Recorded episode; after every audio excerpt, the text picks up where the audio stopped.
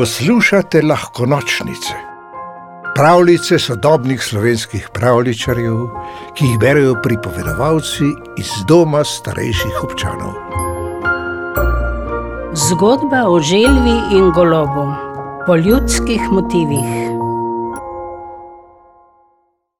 Nekje nekoč je bilo veliko mesto. Njegove stolpnice so bile visoke, ceste so bile široke in na pločnikih je bilo toliko ljudi, da so morali tisti na robu hoditi z eno nogo po pločniku in z drugo po cesti. V tem mestu je živela jata golobov. Nekega dne Pozno jeseni so sedeli na strehi najviše stolpnice in gledali lastovke, ki so letele na jug. Hladno postaja, je rekel prvi. Kaj pa, če bi šli še mi v tople kraje, je vprašal drugi. In so sklenili, da bodo šli. Kam pa gremo, je vprašal spet prvi. Na jug, je rekel drugi. In so kar takoj odleteli proti jugu. Ko so bili v zraku že tri dni in tri noči, so pod sabo zagledali morsko obalo. Pesek je bil bel in palme so bile zelene in ravno prav ukrivljene. Fantje, pristajamo, je zaklical prvi v vrsti in vsa jata se je spustila na obalo. Že naslednji dan je vsak golob razgrnil svojo brisačo na pesek in se v znak zvrnil na njo.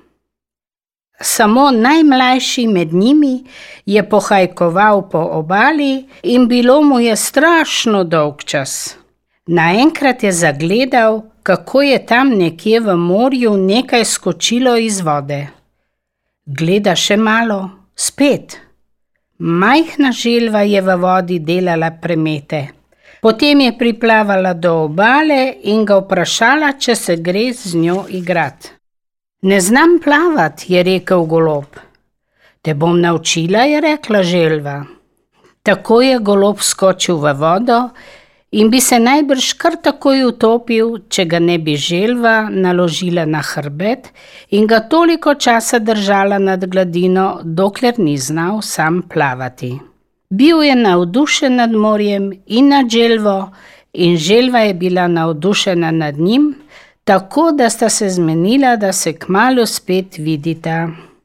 Od takrat naprej sta vsak dan preživela v vodi, ob večerjih pa sta sedela na veliki skali ob morju in klepetala.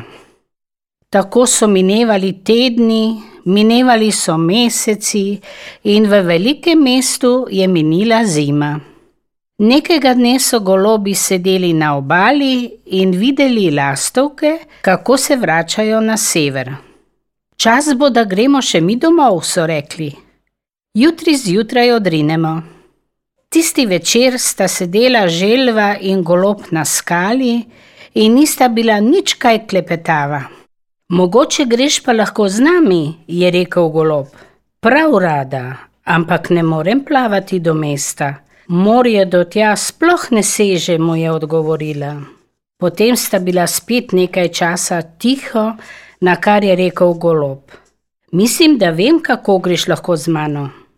Naslednji dan so se vse živali iz tistih koncev zbrale na obali, da bi pomahale golobom v slovo. Ena, dva, tri je rekel prvi v vrsti, in cela jata se je dvignila v zrak. Adijo, adijo, so upile živali in jim mahale v pozdrav. Kar naenkrat pa je nekdo vzkliknil: Želva, želva gre v mesto. In res, čisto zadnji je letel najmlajši golob. V kljunu je držal palico, ki se je je na drugem koncu z usti in rokami oklepala želva. Adijo, želva, adijo, so klicale živali. Želvi se je milo storilo, pomahala je z obema rokama in zaklicala: Adijo, čaf, blub, blub, blub, blub, blub, blub, blub. In padla je nazaj v morje. Potonila je skoraj do dna in ko je končno priplavala spet na površje, je bila jata že dalec stran. Tako je želva ostala na jugu. Ob večerjih je pogosto sedela na skali in mislila na goloba. Kaj neki počne v mestu? Golob pa je letel med sivimi stolpnicami in mislil na želvo. Kako se le ima tam na jugu? Nikoli več se nista videla, ampak kolikor vem, se tudi pozabila še nista. Pravljico napisala Ana Duša, pripovedovala Mija Krsmanovič. V deželo princesk, zmajev, gozdnih vil in ostalih čarobnih biti ste vabljeni vsak večer. Novi pravljici prisluhnite na lahkonočnice.si. Pa lahko noč.